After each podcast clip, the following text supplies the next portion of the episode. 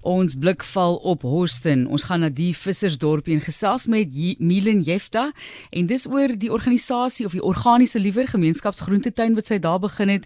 Sy is die eienaar van Oana Environmental Consultants en Projects en ons hoor bietjie hoekom hulle besluit het om hierdie tuin te begin en die fokus vir ons gemeenskappe. Baie welkom Milen. Hoe gaan dit op Houston? Is jy tans daar? Baie dankie. Matlies, ja, dit gaan goed hier met ons. Lekker sonnig. Ons is in die tuin. Pragtig. Hoe lyk die tuin? Um baie baie mooi. Um die spinasie, die kropslaai, die kool, die blomkool, alles groei mooi. Is baie blomme in die tuin. So um is 'n ideale tyd om ja, om jou tuin te vier. Jy het groot so, geraak. Ja, skus, jy ja. wou sê? Ja, kom maar voort. sê vir my, jy het groot geraak daar op Houston Hoekom het jy besluit jy wil ploeg in daardie geboorte of daardie dorp van jou waar jy groot geraak het?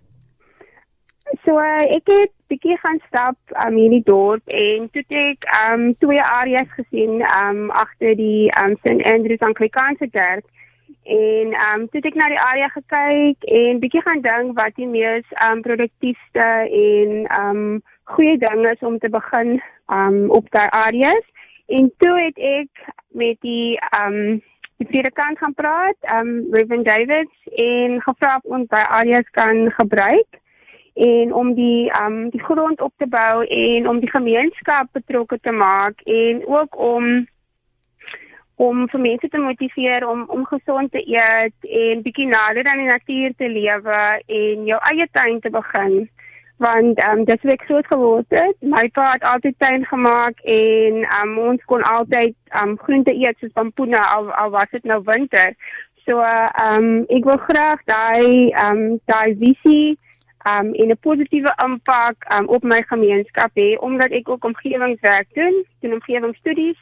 So uh, ek wil graag iets ehm um, positief gedoen het en toe ons die organiese groentetuin begin met vrywilligers van die dorp Ehm um, die oudste vrywilliger was 'n um, 80-jarige tannie en ons die die grond ehm um, begin te bewerk en ons het ons ehm um, beddings mooi uitgesit en ons het toe die ehm um, die grond begin te opbou en nou vandag ehm um, kan ons ehm um, lekker ehm um, gesonde ehm um, groente verskaf um, aan die gemeenskap van Houston en die omliggende areas hier in Hermanus en die Oeverstrand. Dit is maar altyd interessant Milen as mens dink aan 'n groentetuin. Jy weet dis dit is nie 'n eenvoudige ding nie, maar dit is nogal moeilik om hom suksesvol te verbou, maar terselfdertyd voel ek altyd 'n groentetuin en veral vir die gemeenskap gee vir mense soveel hoop.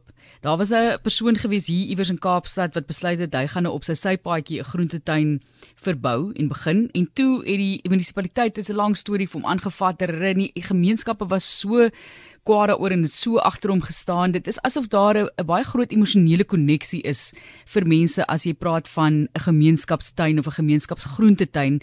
Dit is 'n manier vir mense om bymekaar te kom en soos jy sê op hierdie manier ook nog gesonder te eet soos daar is daar's die praktiese kant daarvan, maar daar's definitief 'n baie groot emosionele koneksie. Ja, definitief. Ehm um, want voor jy 'n tuin of enige groen area begin, het jy 'n visie en 'n plan en jy sien wat jy wil hê en jy wil ook mense naby aan jou ehm um, betrokke raak daarbey of baie mense is dalk siek of hulle is nie gesond nie, so hulle begin aan um, tuine vir verskeie redes. Soos ek nou voorheen genoem het, ons het dit begin omdat ons graag um goeie gesonde groente aan aan mense wil verskaf in ons area en ook teen um bekostigbare pryse. So um tuine ons ons het 'n um emosionele koneksie aan tuine en um dit is ook goed om nader aan die natuur te leef en dit help ons ook ons geesteswelstand en dit is net 'n fantastiese manier om in die natuur te wees en grond op 'n produktiewe manier te gebruik en dit te ontgin en dit goed te gebruik. En ook om ons um, om ons generasies um wakker te maak van um moontlikhede om hulle eie groente te groei. En as jy jou eie groente groei, um is dit ook meer um gesond vir jou want jy kry al die mikrobes in en is baie goed vir jou gestel. En die vars lug en die harde werk en die vat in die grond, al daai tipe van dinge, maar Milen, jou pa was ook iemand wat baie lief was vir tuinmaak as ek nou reg verstaan en was visionêre persoon in jou ouers ook wat vir jou geïnspireer het op hierdie pad. Ja, beslis. Ek en my sussie het groot geword om um, ons het gesien hoe my hoe my pa tuin maak en hoe hy hoe ons wintertye of somertye kon ons um van die die gewasse nog genoeg eet. En ons het so groot geword dat ons altyd soek of wanker na um gesonde groente um op jou bord.